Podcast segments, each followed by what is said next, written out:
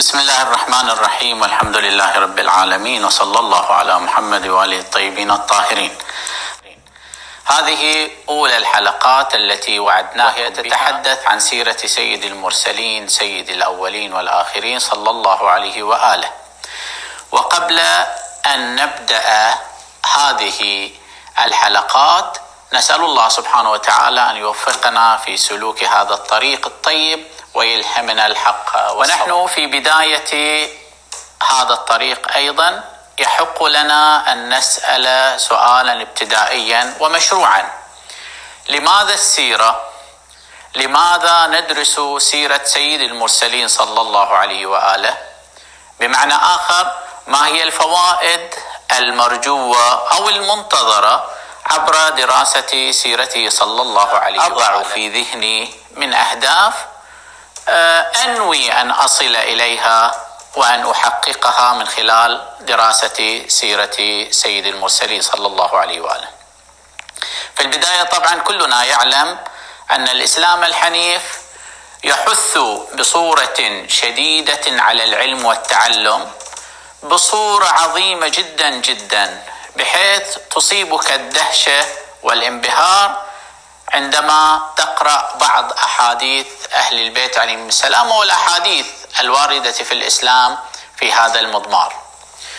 وهنا يمكن أن نوجه دعوة جادة ومخلصة للشباب جميعا بل لكل الأعمار صغيرها وكبيرها ومتوسطها أيضا بضرورة عدم الانفكاك عن التعلم مهما اشتدت الظروف والحمد لله أن شبابنا في البحرين متمسكون تمسكا ممتازا بتعليمهم ودراستهم وهذا يبشر بخير ولله الحمد.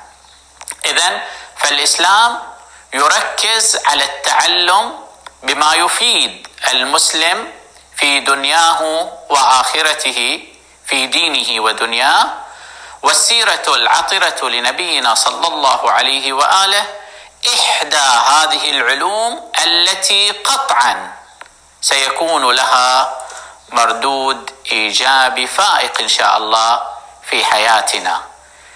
أيها المتابع أيها المشاهد العزيز هذه الدراسة سوف يكون لها إن شاء الله علي وعليك اثرا ايجابيا من أجل أن نطور من حياتنا في مختلف شؤونها. ولا أستطيع لا أستطيع القول أن دراسة تفاصيل حياة رسولنا صلى الله عليه وآله واجبة شرعيا لا أستطيع القول بذلك وإن كانت دراسة حياته صلى الله عليه وآله محببة إلينا محببة لكل إنسان يعشق الجمال ويعشق الكمال. ولكنها بكل تأكيد لم تكن واجبة شرعا فهي جديرة بالإطلاع والفحص والتدقيق والتأمل. ويكفي دافعا في ذلك أنه خاتم الأنبياء والمرسلين بل أعظم الأنبياء والمرسلين ويكفي أنه صلى الله عليه وآله أقرب الأنبياء والمرسلين منزلة من رب السماوات والارضين. اذا لماذا هذه السيرة العطرة بعد أن قدمنا أن العلم والتعلم محبب إلى نفوس المسلمين وقد ركز الإسلام وحث حثا شديدا عليه. اولا يمكن القول بسم الله الرحمن الرحيم أعوذ بالله من الشيطان الرجيم بسم الله الرحمن الرحيم كان لكم في رسول الله أسوة حسنة لمن كان يرجو الله واليوم الآخر وذكر الله كثيرا. هذه الآية المباركة من سورة الأحزاب الآية الواحدة والعشرين. إذا تدبرنا فيها تدبرا قليلا ثم نتابع الأسباب. فالآية تقول لقد كان لكم في رسول الله أسوة حسنة. ألم يكن رسول الله صلى الله عليه وآله قبل البعثة؟ صادقا أمينا ويستحق أن يكون قدوة. طبعا لا أحد ينكر أنه قبل رسالته صلى الله عليه وآله يستحق أن يكون مقتدا. يستحق أن يتبع. بالمناسبة ما معنى كلمة أسوة؟ تعني القدوة وهي الاقتداء والاتباع.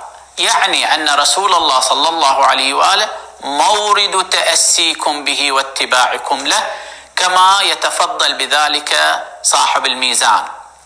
ولديه لفتة جميلة صاحب الميزان حيث يقول لقد كان لكم هذه العبارة في بداية الآية المباركة.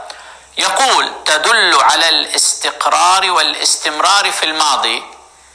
وهذه العبارة التي تدل على الاستقرار والاستمرار في الماضي إشارة إلى كونه تكليفا ثابتا مستمرا. الأسوة الحسنة واتباعه وكونه قدوة تكليفا ثابتا مستمرا. يعني من حكم رسالة الرسول وإيمانكم به أن تتأسوا به. إذا من كان يؤمن برسول الله صلى الله عليه وآله آه، أنه قدوة حسنة أسوة حسنة بالضرورة أن يقتفي أثر وبالضرورة أن يتابعه أيضا. في رسول الله في رسول الله بمعنى أن الرسول صلى الله عليه وآله كما يقول ذلك آه، صاحب تفسير الكشاف أن ذات النبي صلى الله عليه وآله بغض النظر عن أفعاله وأقواله يستحق المتابعة. وهناك رأي آخر أيضا للمفسر القشيري في تفسيره لطائف الإشارات يقول يجب عليكم متابع متابعته فيما يرسمه لكم فإذا النبي صلى الله عليه وآله وإن لم يكن وإن لم تكن دراسة سيرته واجبة إلا أنه واجب الاتباع وواجب الاقتداء على كل من يؤمن بالله واليوم الآخر وهذا سوف يتبين الآن. إذا أن التأسي برسول الله صلى الله عليه وآله خصلة جميلة زاكية ولا أحد ينكر ذلك. ولا يتصف بها بهذه الخصلة الجميلة الزاكية وهو التأسي برسول الله صلى الله عليه وآله كل من تسمى بالإيمان كما يرى صاحب الميزان وإنما يتصف بها جمع ممن تلبس بحقيقة الإيمان. إذن عندما نذكر سيرته صلى الله عليه وآله فمن كان متلبسا بحقيقة الإيمان وكان يرجو الله واليوم الآخر هؤلاء يتعلق قلبهم بالله تعالى ويتعلق قلبهم برسول الله صلى الله عليه وآله اقتداء واتباعا. مع ذلك يضيف تضيف الآية الكريمة وذكر الله كثيرا. الآية المباركة الشريفة تدعونا للتأسي برسول الله صلى الله عليه وآله وعندما كان قبل أن يبعث صلى الله عليه وآله كان الصادق الأمين كما اشتهر بذلك. وقد تواترت في كتب التاريخ هذه آه، هذه الإشارة. آه، كان كان محببا للناس أن يتبعوا. فما بالك عندما حصل على شرف الرسالة وخاتمية الأديان السماوية. أما ثانيا لماذا ندرس سيرة محمد صلى الله عليه وآله؟ يقول الله تعالى في سورة القلم أعوذ بالله من الشيطان الرجيم بسم الله الرحمن الرحيم وإنك لعلى خلق عظيم. هذه إشادة قرآنية عظيمة لن تجدها لغيره صلى الله عليه وآله لأي مخلوق آخر مهما اتعبت نفسك. لكن ما المقصود بالخلق؟ الخلق كما يتفضل به علماء الأخلاق الخلق هي ملكة نفسانية تصدر عن تصدر منها الأفعال أو عنها الأفعال بسهولة. سواء كانت هذه آه، آه، الأفعال الصادرة ضمن الفضائل أو ضمن الرذائل. من أمثلة الفضائل العفة الشجاعة المروءة والكرم على سبيل المثال ومن أمثلة الرذائل الشره والجبن والبخل. فاذا الآية الشريفة وإن كانت في في نفسها تمدح حسن خلقه صلى الله عليه وآله وتعظمه غير أنها بالنظر إلى خصوص السياق كما يقول صاحب الميزان ناظره إلى أخلاقه الاجتماعية. فالنبي صلى الله عليه وآله لديه أخلاق اجتماعية بالمعاشرة آه، كالثبات على الحق والصبر على اذى الناس وجفاء أجلاف العرب آنذاك والعفو والإغماض وسعة البذل والرفق والمداراه والتواضع وغير ذلك الكثير. وما أحوجنا اليوم وما أحوجنا اليوم بأن نتخلق بالأخلاق الاجتماعية. فهو متخلق باخلاقه الاجتماعية في منزله الطاهر مع أزواجه وأهله مع أصحابه وأتباعه مع مخالفيه وأعدائه. كل تلك الأخلاق العظيمة نحتاجها اليوم. بل كل المجتمع بحاجة إليها. مجتمع القرية مجتمع المدينة مجتمع الدولة مجتمع العالم كل العالم بحاجة ماسة لها. وما أشد حاجتنا اليوم في عصرنا الراهن لتلك الفضائل المحمدية. أما السبب الثالث الذي يمكن أن يدعونا أيضا للاهتمام بدراسة سيرة النبي صلى الله عليه وآله فالإنسان بطبيعته الفطرية ينجذب نحو الجمال. فليس عشق الجمال خاصا بالمسلمين أو الأديان السماوية فالفطرة السوية تنجذب نحو الجمال وعشقه وتنفر من القبيح وأفعاله تحب الخير وأصحابه وتكره الشر وأتباعه. فلذلك حتى أصحاب القبائح يتبرؤون من قبائحهم وأفعالهم عندما تواجههم. وأعطيك مثالا بسيطا. عندما تجد دكتاتوريا يقول لن تجد دكتاتوريا يقول أنا دكتاتوري. أو يرضى أن يوصف بأنه دكتاتوري. وقس على ذلك. اذا أخبرني عزيزي. قل لي أيها المشاهد الكريم من في هذا الوجود الإمكاني يملك جمالا كجمال محمد صلى الله عليه وآله. يملك روحا والثابة إلى الخير كمحمد صلى الله عليه وآله. علينا أن نطلع من خلال سيرته العطرة على على جماله وروعة وجوده المبارك. فعندما ترى جماله سوف يبدو لك كل جميل دونه قبيح. وحق ذلك.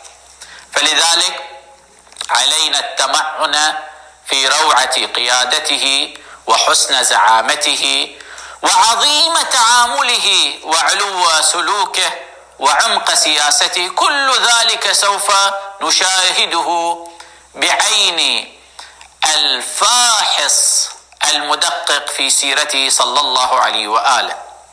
كل ذلك نجده في سيرته صلى الله عليه وآله وندعو الله سبحانه وتعالى أن يسهل علينا الاغتراف من بحر جود رسوله صلى الله عليه وآله وأن يوفقنا للتعلق بجمال حبيبه صلى الله عليه وآله. أما السبب الرابع فبدراسة السيرة المباركة يمكننا بتوفيق الله سبحانه وتعالى يمكننا أن ننقح شيئا ما من سيرته العطرة مما علق بها من حوادث وقصص لا تتناسب عظمة رسولنا صلى الله عليه وآله. بمعنى آخر نستطيع إن شاء الله أن نميز بين الصحيح منها والسقيم بين المقبول منها والموضوع. وهذا وحده غاية في الأهمية لو لم يكن من سبب داع لدراسة سيرة النبي صلى الله عليه وآله. سوى هذا السبب لكفى أن ندرس أن يدعونا لدراسة سيرته صلى الله عليه وآله. لأننا يجب أن نتعرف عليه دون كذب الوضاعين وحجاب المنافقين ودسائس الأعداء. أما السبب الخامس ونختم به إن الله سبحانه وتعالى اجتبى رسولنا الكريم صلى الله عليه وآله من مليارات البشر. بل اصطفاه من أفاضل البشر وهم الأنبياء والمرسلون وعباده الصالحون. ولا يكون هذا الاصطفاء دون ميزات تتضمنها شخصيته الكبرى صلى الله عليه وآله. وإلا لكان عبثا منه سبحانه أن يقدمه ويفضله على جميع البشر وعلى أنبياء أولي العزم دون فضيلة استثنائية وخصائص عالية. ولا يمكن للحكيم أن يفعل عبثا وحاشاه جل وعلا. نحن أمام أسطورة أمام معجزة شخصية معجزة. لعل دراستنا نحن الصغار لسيرته صلى الله عليه وآله أن نتعرف جنبا من جنبات شخصيته العملاقه صلى الله عليه وآله.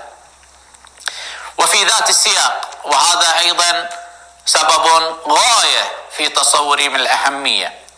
الأمة الإسلامية يجب أن تنهض وتعود إلى استلام ريادة الأمم عندما كان صلى الله عليه وآله قائدا كان ملهما للمسلمين وقائد المسلمين وأوصل الأمة إلى أوج الأمم. أخرج الناس وأنهض وقد نهض بالناس من أسفل الحضيض إلى أن أوصلهم إلى أعلى إلى أعلى القمم. ورواد الأمم وسادة الحضارات. واليوم امتنا مدعوة أن تنهض وتنبعث من جديد. وأن لا تكون إمعة لا مع هذا المعسكر ولا ذاك. لا يجوز لا يجوز أن تبقى ذيلية في نهاية في ذيل مستويات الأمم ومتأخرة بل سباقة ومكانها الطبيعي. بما تمتلك من مفاهيم عالية أخلاق فاضلة شريعة خالدة وعقيدة ناصعة تتناسب مع فطرة الإنسان وتتناسب مع الحياة كل الحياة.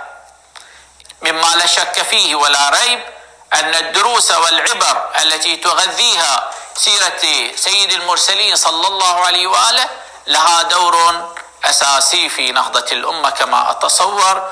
وعلينا جميعا وخصوصا أحبة الشباب عليكم أن تشمروا عن ساعد عن ساعد الجد ويد الهمه وتحملوا شعلة نهضة أمتكم العظيمة.